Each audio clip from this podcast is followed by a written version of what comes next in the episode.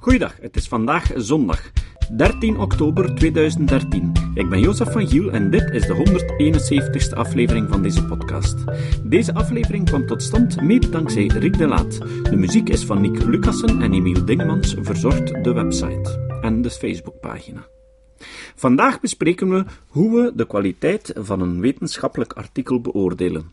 De originele tekst komt van de website Evidence-Based Management.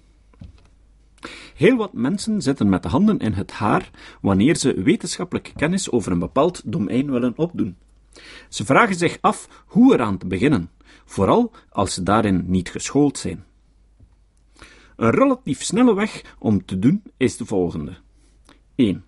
Je zoekt eerst naar A1-publicaties, bij voorkeur systematische reviews. Meest voorkomend zijn meta-analyses.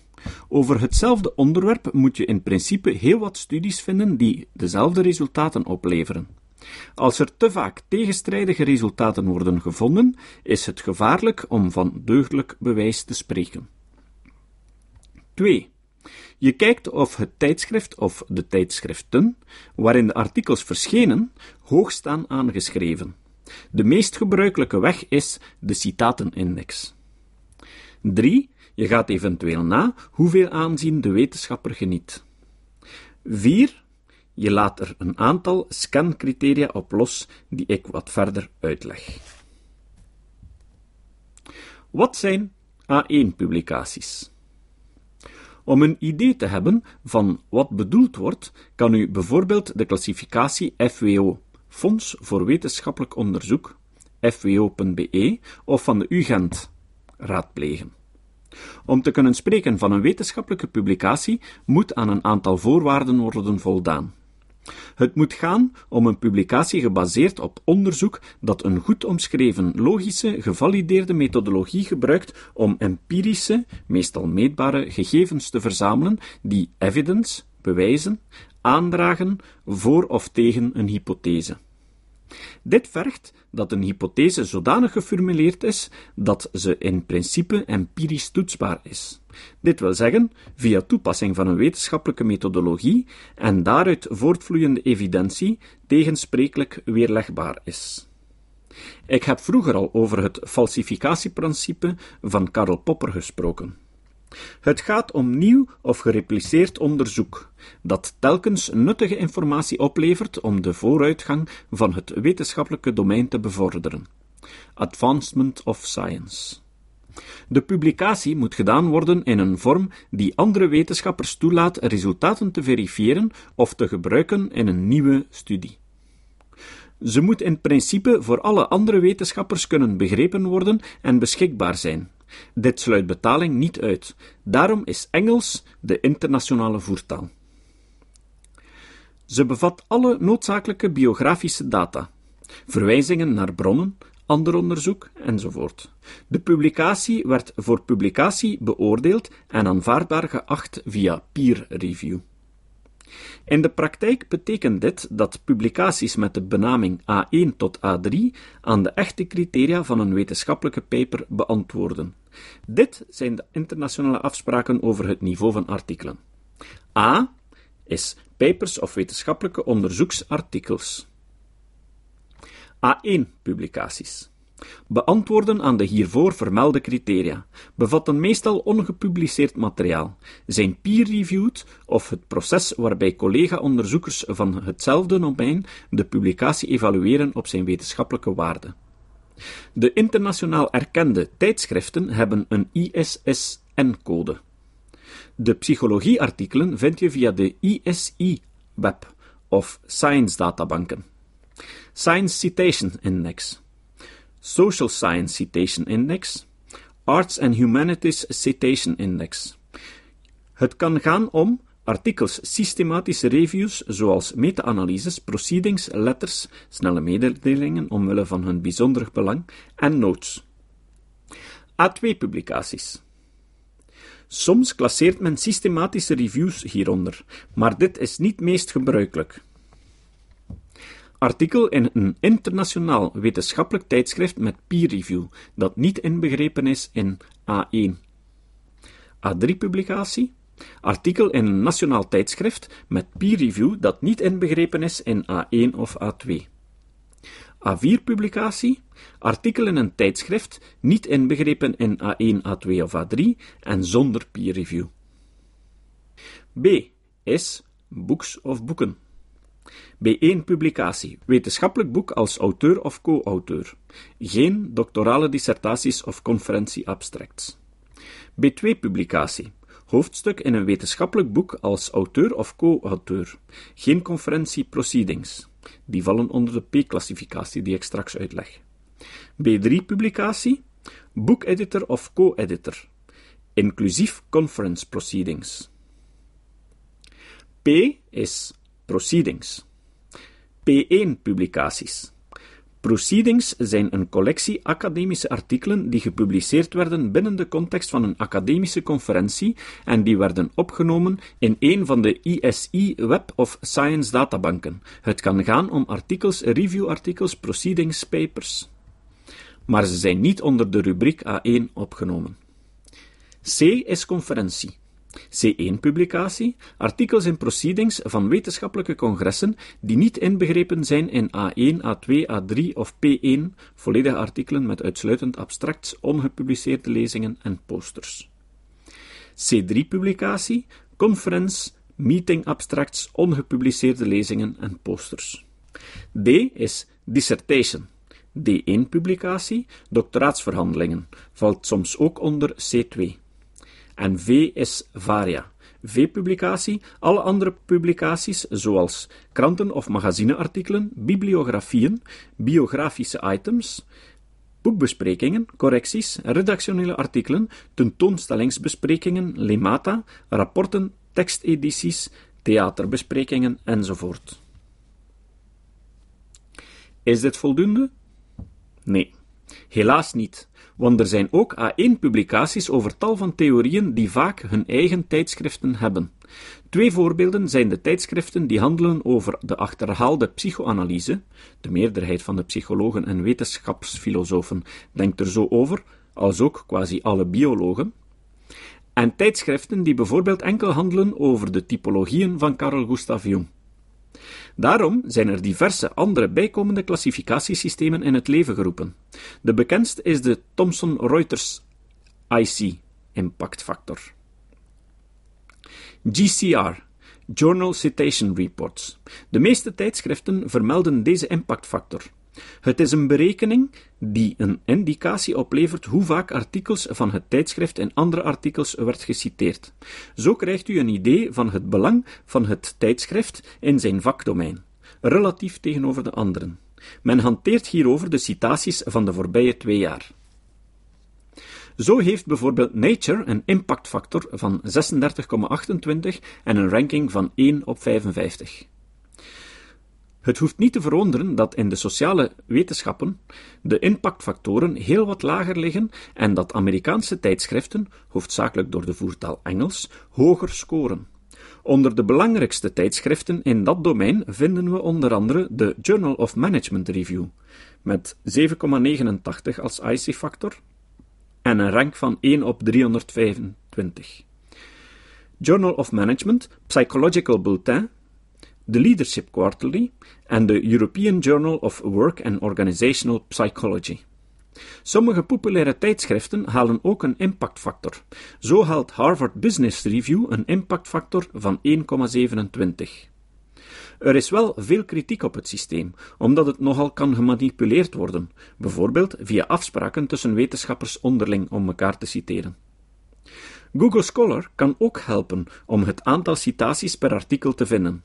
Zo heeft het artikel de Productivity Measurement and Enhancement System, een meta-analysis van Pritchard, Harrell en Granados 53 citaties op 25 juni 2013. Er bestaan tenslotte ook nog manieren om de belangrijkheid van de auteur te vinden. Dit wordt opnieuw georganiseerd door organisaties zoals Thomson Reuters, maar ook via Google Scholar is heel veel te vinden. Enkele voorbeelden. Psycholoog en Nobelprijswinnaar Daniel Kahneman, die in deze podcast al aan bod kwam en over wie we nog afleveringen op stapel hebben liggen, heeft meer dan 200.000 citaties, waarvan één artikel alleen 26.300 keer. Evolutionair psycholoog Steven Pinker, meer dan 40.000 citaties. Er is een gebruikersprofiel voor hem aangemaakt en daardoor kennen we het exacte cijfer: 40.787. Evolutionair bioloog Richard Dawkins, 35.000. Evolutionair psycholoog John Tooby, 20.000 citaties. Organisatiepsycholoog Edwin Locke, 40.000 citaties. Evolutionair bioloog Robert Trivers, 26.727 citaties. De Belgische persoonlijkheidspsycholoog Philip de Fruit, 4.298 citaties. Hoe betrouwbaar zijn onderzoeksresultaten? Een erg belangrijke stap is na te gaan of de artikels betrouwbare informatie opleveren. Hierna enkele richtsnoeren. Een eerste onderzoek in de sociale wetenschappen vormt geen bewijs, hoogstens een indicatie. Vooral in de sociale en medische wetenschappen wordt veel als vals positieve resultaten gevonden, omdat men zich vaak baseert op statistische technieken. Hier zijn de laatste tijd, zowel van binnen het veld als van buiten het veld, heel wat kritische publicaties over verschenen.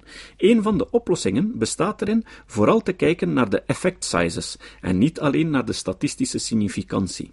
Wat in het echte leven, echte cijfers, vaak niets voorstelt.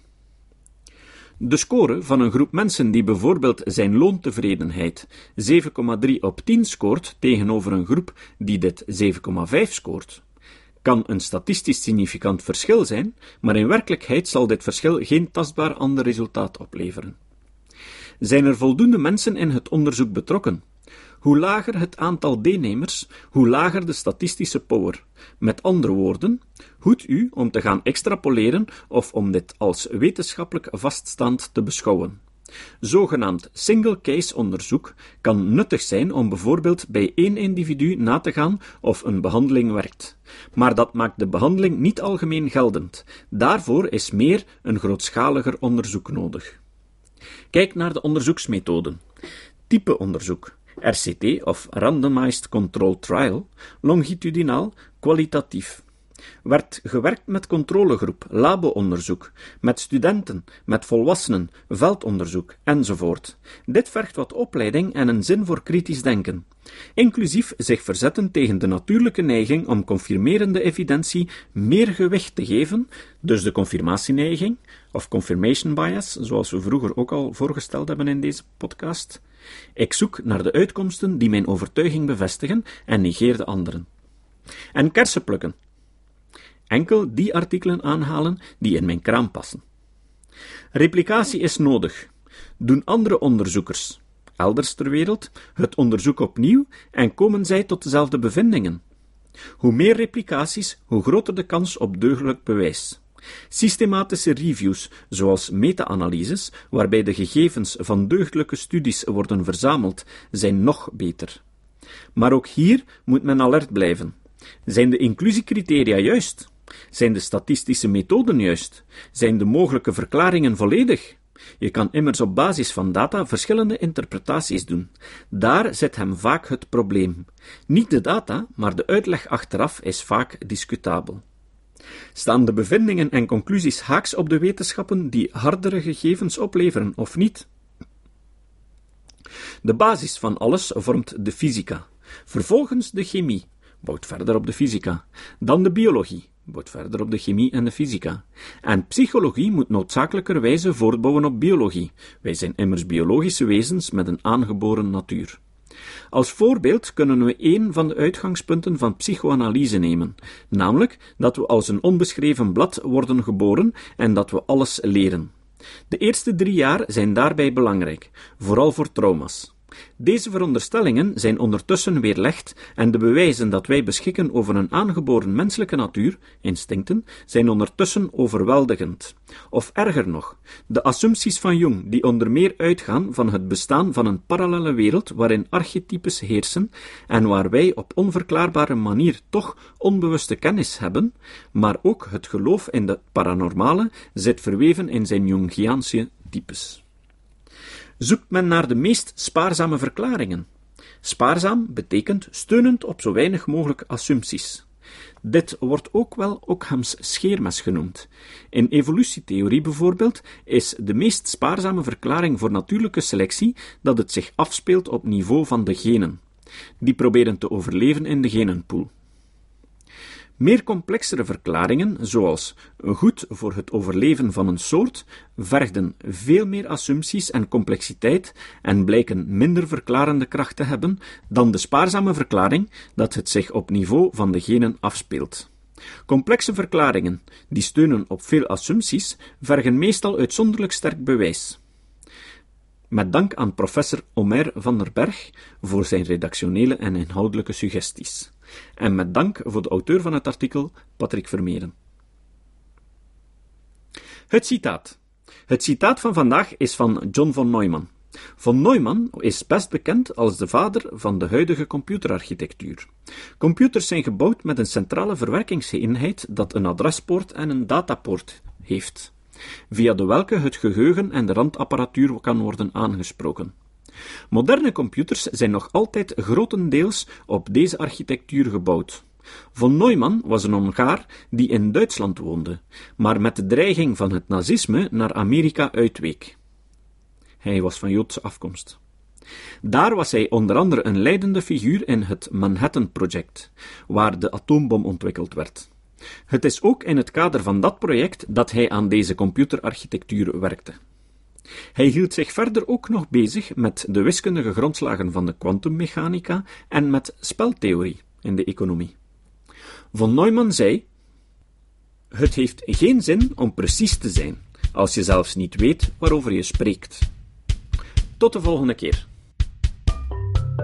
Dit was de podcast Kritisch Denken. Vergeet niet om alles kritisch te behandelen, ook deze podcast.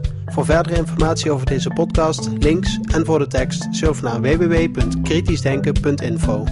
Als je deze podcast belangrijk vindt, kun je me steunen door anderen warm te maken ook eens te luisteren. Stuur een e-mail naar vrienden met een link naar de website en plaats de link in de handtekening van je e-mails. Tevens kun je op iTunes deze podcast een beoordeling geven of een recensie schrijven. Of je kan op je eigen website of blog een link naar kritisch denken plaatsen.